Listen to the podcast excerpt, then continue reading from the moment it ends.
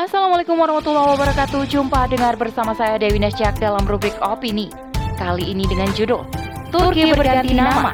Lebih berwibawa Oleh Asani An-Najma Superpower Itulah julukan yang pernah disematkan kepada Turki kala Kesultanan Turki Utsmani yakni Khilafah Utsmaniyah memimpin. Sebagai salah satu daulah terbesar, Utsmaniyah pernah menjadi salah satu peradaban terhebat di dunia dan menguasai sepertiga wilayah dunia. Kekuasaannya meninggalkan kekayaan warisan sejarah peradaban Islam. Kini, Turki sedang menjadi sorotan dunia lantaran dikabarkan akan berganti nama. Lantas, apa motifnya? Terhitung sejak awal bulan Juni, PBB menyetujui permintaan Turki mengubah namanya menjadi Turkiye yang disampaikan langsung oleh Presiden Recep Tayyip Erdogan. Dikutip dari laman metro.co.uk, perubahan nama itu merupakan bagian dari kampanye rebranding Presiden Erdogan sejak akhir tahun lalu.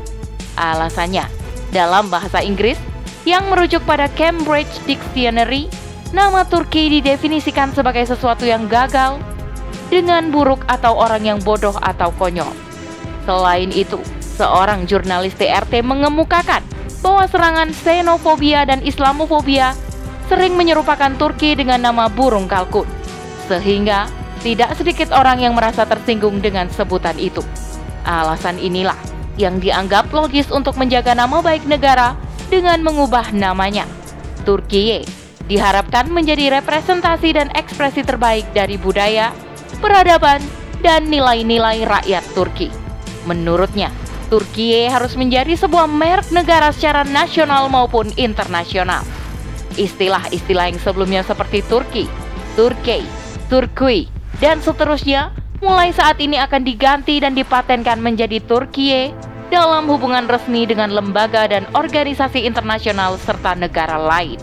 Pernyataan Presiden Erdogan yang berharap nama Turkiye mempresentasikan nilai-nilai dan peradaban yang lebih baik dari sebelumnya sesungguhnya membuat kita tergiur. Apa pun namanya tak masalah, mau ganti nama ataupun tidak juga tidak masalah. Yang paling penting, apakah nama pengganti yang disematkan ini serasi dengan action menuju peradaban yang lebih agung dan gemilang? Ataukah tidak berpengaruh sama sekali? Hal ini justru mengingatkan kita pada tragedi masa kelam yang menimpa kaum muslim jika kita menengok kembali pada sejarah yang pernah terjadi di Turki 101 tahun silam, Turki mampu menjadi negara adidaya. Maka tidak diragukan lagi bahwa saat itu Turki menerapkan sistem khilafah Islamiyah.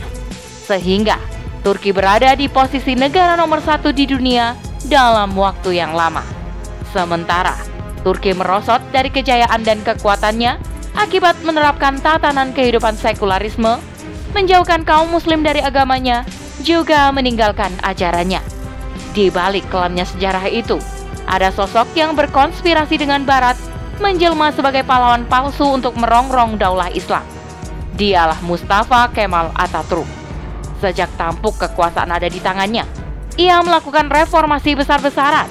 Begitu ambisiusnya Mustafa Kemal mempromosikan Turki sebagai negara modern yang sekuler dan demokratis.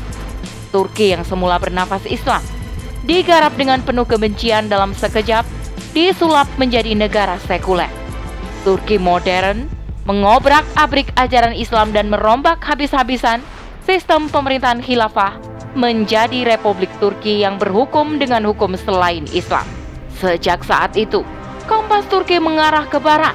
Pemerintahannya mulai mengekor sejumlah negara barat, menjalin hubungan mesra dengannya, dan mengadopsi nilai-nilai maupun sistem tatanan kehidupan barat. Hal ini membuat Turki semakin jauh tenggelam dalam sistem yang lemah dan ketergantungannya, bukan kebesaran dan kekuatannya.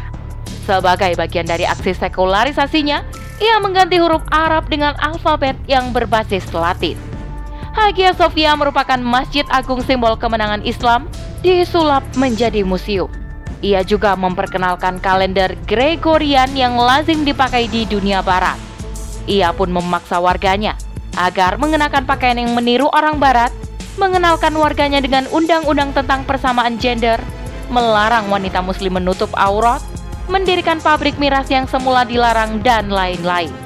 Dari uraian ini dapat ditarik kesimpulan, perubahan nama Turki menjadi Turkiye sesungguhnya tidak akan mampu mengembalikan Turki menjadi negara bersendikan pemerintahan Islam.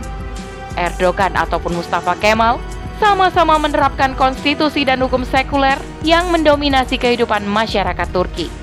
Mustafa Kemal telah tercatat di ingatan kaum muslim menjadi mimpi buruk yang panjang. Akibat pengkhianatannya, kaum muslim harus kehilangan sang induk dan kejayaannya di Turki yang telah membersamai selama 1300 tahun. Hal ini menjadi pukulan telak dan nelangsa yang tak berkesudahan bagi kaum muslim. Dan tak cuma muslim, manusia yang hidup pada era itu pun merasakan kesejahteraannya. Tentu, ini menjadi wawasan bagi kaum muslimin bahwa Turki yang saat itu menjadi ibu kota khilafah dicaplok paksa oleh kafir penjajah lewat pahlawan palsu. Oleh karena itu, kita jangan mudah tergiur dengan iming-iming apa pun yang bukan berasal dari Islam. Hari ini, penerapan sekularisme di setiap sendi kehidupan telah nyata menutup mata kaum muslimin untuk bangkit. Sekularisme telah membius kaum muslimin dalam kefanaan duniawi. Suatu keniscayaan jika paham sekuler dibiarkan berkembang di negeri ini, maka akan muncul Ataturk selanjutnya dari negeri ini. Sejarah tak selamanya membisu. Seiring berkembangnya zaman, orang semakin tahu bahwa Turki pernah mencapai abad keemasan di bawah kepemimpinan Islam. Sepintar apa pun musuh-musuh Islam menutupi dan membendung ingatan kaum muslimin akan kejayaan Islam, faktanya selalu ada peristiwa yang akan menyibak peradaban agung yang pernah bersinar. Semestinya, jika Presiden Erdogan ingin mengembalikan nilai-nilai tatanan kehidupan yang baik dan membawanya kepada peradaban yang gemilang, hendaklah kembali menengok pada sejarah apa yang membawa khilafah Islamiyah mencapai puncak keemasannya, yakni saat Islam diterapkan dalam tatanan kehidupan bernegara. Penerapan syariat ini bukanlah utopia melainkan nyata.